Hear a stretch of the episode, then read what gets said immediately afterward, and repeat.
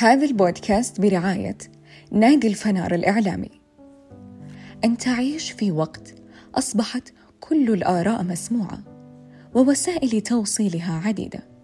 كل ما حولك يصفونه بالإعلام. والكاميرا التي كان لا يكاد شخص واحد قادر على حملها أصبحت اليوم محبوسة داخل مستطيل صغير اسمه الهاتف مقرونة بمايك لا يرى. يسجل كافة التمتمات البشرية التي تعلو سواء بتفاهات أم المعلومات المفيدة. من هنا أصبح الإعلام أمانة ومن واجبنا الإعلامي نشر القيم الصحيحة لهذه السلطة العظيمة.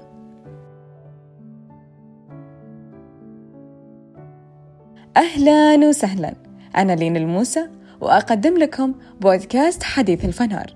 لأتشارك معكم أحاديث الإعلام ونخوض في أدق تفاصيله حتى نضيء فنارنا بأهم المعلومات وأبرز التجارب والقصص الملهمة. الصحافة هي موطن لحرية الرأي والتعبير فهي مهنة ذات شهرة عالية لطالما امتهنها الإنسان منذ زمن قديم. طور وتطورت أشكاله ليصبح مجال واسع متعدد الأنواع لا غنى عنه في هذا الوقت.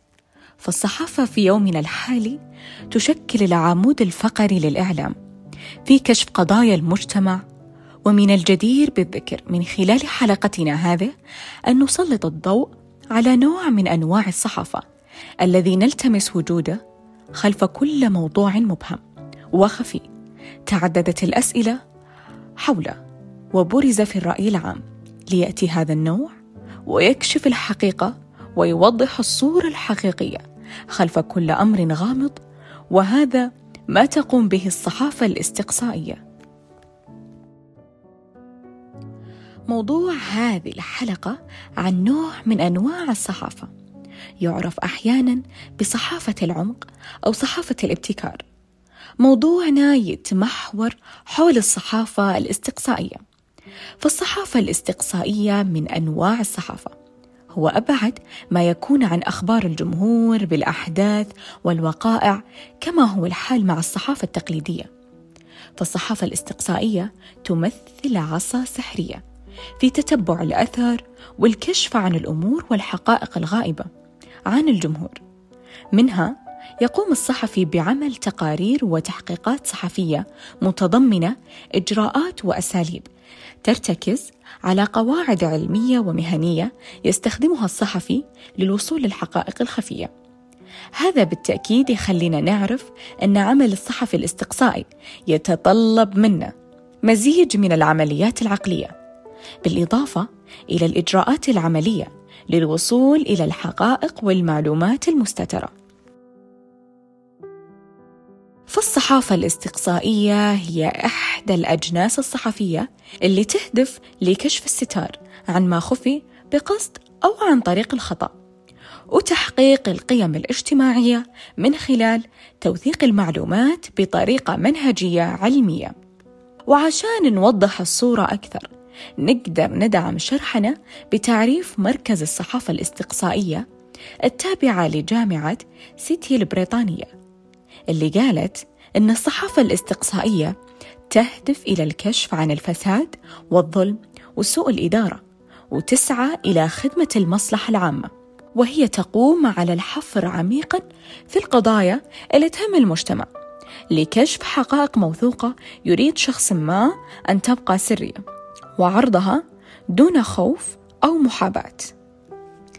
الصحافة الاستقصائية تعتبر أحد أبرز أنواع الصحافة والممارسة الإعلامية الصعبة والمعقدة.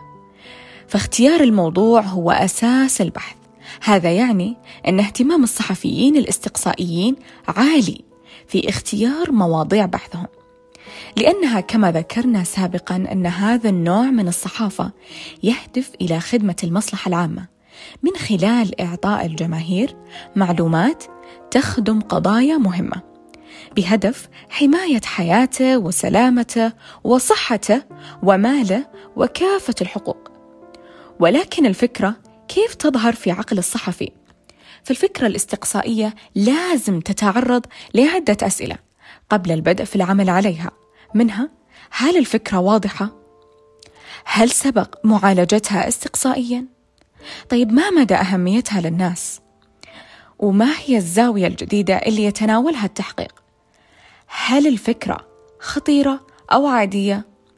ومن هذه الأسئلة تظهر لنا إجابات تطور من فكرة البحث وتوضح للجماهير كل ما يخفى عنهم ولنجاح الموضوع الاستقصائي لازم نشير إلى عناصر ومقومات الصحافة الاستقصائية لأنها تلعب دور مهم في ظل العمل الاستقصائي منها إعداد تقرير أصيل ومنهجي يحتاج إلى وقت كافي ويبدأ بالتعمق بتنظيم ومنهجية لفهم الأمر بشكل تام أيضا وضع فرضية اللي تعتبر واحدة من أصعب أجزاء الصحافة الاستقصائية لأن الفرضية توضع على ما سيقدمون عليه الصحفيين باستخدام طريقة علمية ووضع نظرية لإيجاد حقائق تدعمها. العنصر الثالث تحليل المستندات والبيانات العامة. هذا العنصر يشمل العديد من التسجيلات والمعلومات العامة عن طريق جمعها وتحليلها ليتتبعوا مسارات الأشخاص وتمويل المؤسسات. وأيضا التركيز على العدالة والمسؤولية الاجتماعية.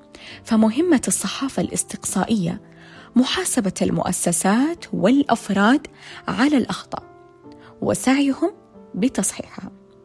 وبكذا أعتقد بأن اتضح لنا جميعا أن العمل في الصحافة الاستقصائية مو بهذه السهولة.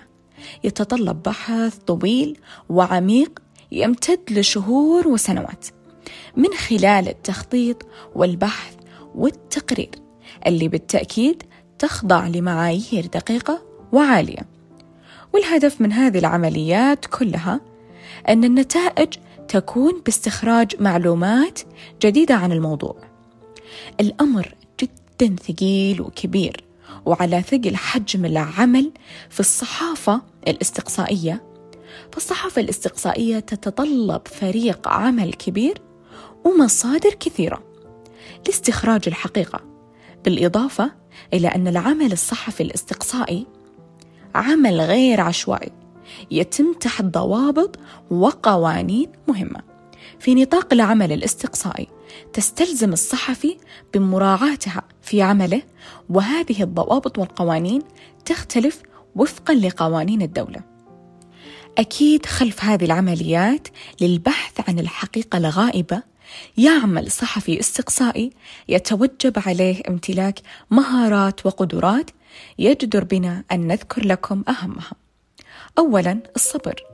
العمل الشاق اللي يواجهه الصحفي من بحث حول مصادر وصعوبة الوصول لها عادة ما تنجح العملية من المرة الأولى.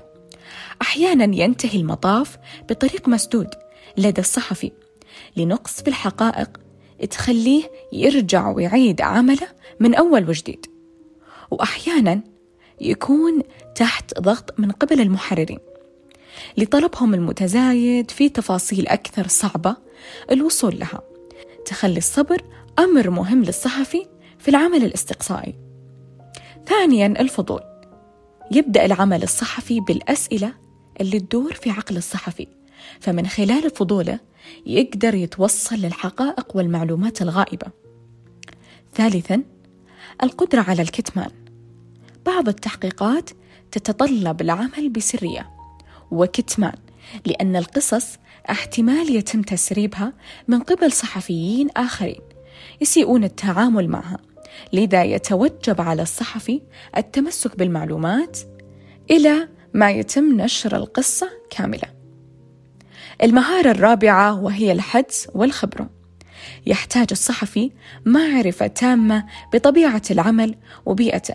أيضا لأنماط المجتمع والعادات السائدة أيضا من المهارات المهمة التحلي بأخلاقيات المهنة من خلال تقديم حقائق مثبتة تم التحقق منها قبل إعلانها للجمهور حتى لا تكون هذه الحقائق سبب في تهديد حياة الآخرين. وأيضا العديد من المهارات مثل الشجاعة، المرونة، القدرة على التفكير المنظم، وأيضا مهارات العمل الجماعي. الأخلاقيات في الصحافة الاستقصائية أثارت جدل من ناحية تعريفاتها، لأنها تختلف عن باقي أنواع الفنون الصحفية. كونها تستهدف الكشف عن الأنشطة الغير أخلاقية اللي لطالما حاول المستهدفين إخفاء المعلومات اللي تؤثر في مصالحهم واللي راح تحرمهم وتعرضهم للمساءلة وكونها أيضا تحكم اختيار وأداء مخرجات العمل الصحفي. عشان كذا البعض من الصحفيين الاستقصائيين يظن بأن العمل الاستقصائي يتطلب كسر لبعض الأخلاقيات لأنها تتطلب من الصحفيين التطرق للزوايا المظلمة للموضوع. والبعض يظن العكس تماما.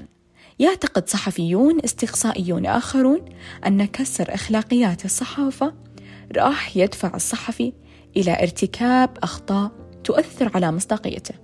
وأيضا من الممكن يتوصل الأمر إلى الأخطاء في حق الأشخاص الذين يشكلون جزء من القصة. فالفكرة هي أن الصحافة الاستقصائية تراقب التزام المؤسسات والأفراد للقوانين. فالأولى أن تراقب هي نفسها. يقول الكاتب البريطاني جورج أورويل الصحافة هي نشر ما لا يريد شخص آخر نشره وكل شيء آخر هو علاقات عامة. الصحافة الاستقصائية احتلت منذ سنوات مكانا مرموقا بين أنواع الصحافة المختلفة فبعض الصحفيون يشعرون بأن الصحافة الاستقصائية منفصلة عن غيرها. وأيضا بنظرهم أن من الواجب أن تكون كل صحافة استقصائية بينما يعتقد الآخرون أن الصحافة الاستقصائية صعبة وقوية فعلا. نقدر نختم حلقتنا هذه بعدة مبادئ توجيهية للصحفيين الناشئين والعاملين في مجال الصحافة الاستقصائية.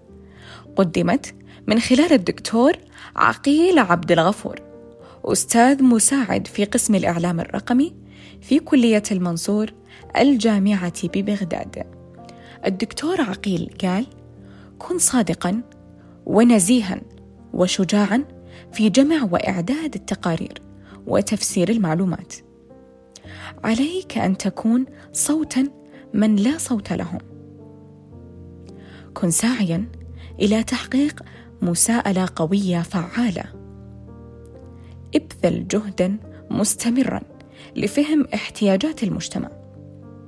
أنت تسعى لخدمة المجتمع وعليك خلق آليات قوية تسمح لأعضاء مجتمعك أن يتواصلوا معك. عليك أن تكون مهتما قدر الإمكان بعدم إلحاق الأذى جراء عملك. الاعتراف بالأخطاء إيجابي وتصحيح الأخطاء أكثر إيجابية وتاثيرا. عليك أن تفعل هذا بطريقة تجعل القراء الذين وصلتهم معلومات خاطئة ويعرفون الحقيقة في أسرع وقت. عندما يكون الإعلام أمانة، تصبح هذه الأرض حاضنة للأحلام والأعمال الملهمة. لذلك نحن منكم وإليكم نسعى أن نقدم كل ما هو مفيد ومناسب لجيل إعلامي قادم. على قدر عالي من المهارات والمسؤولية الإعلامية. انتظرونا في الحلقة القادمة.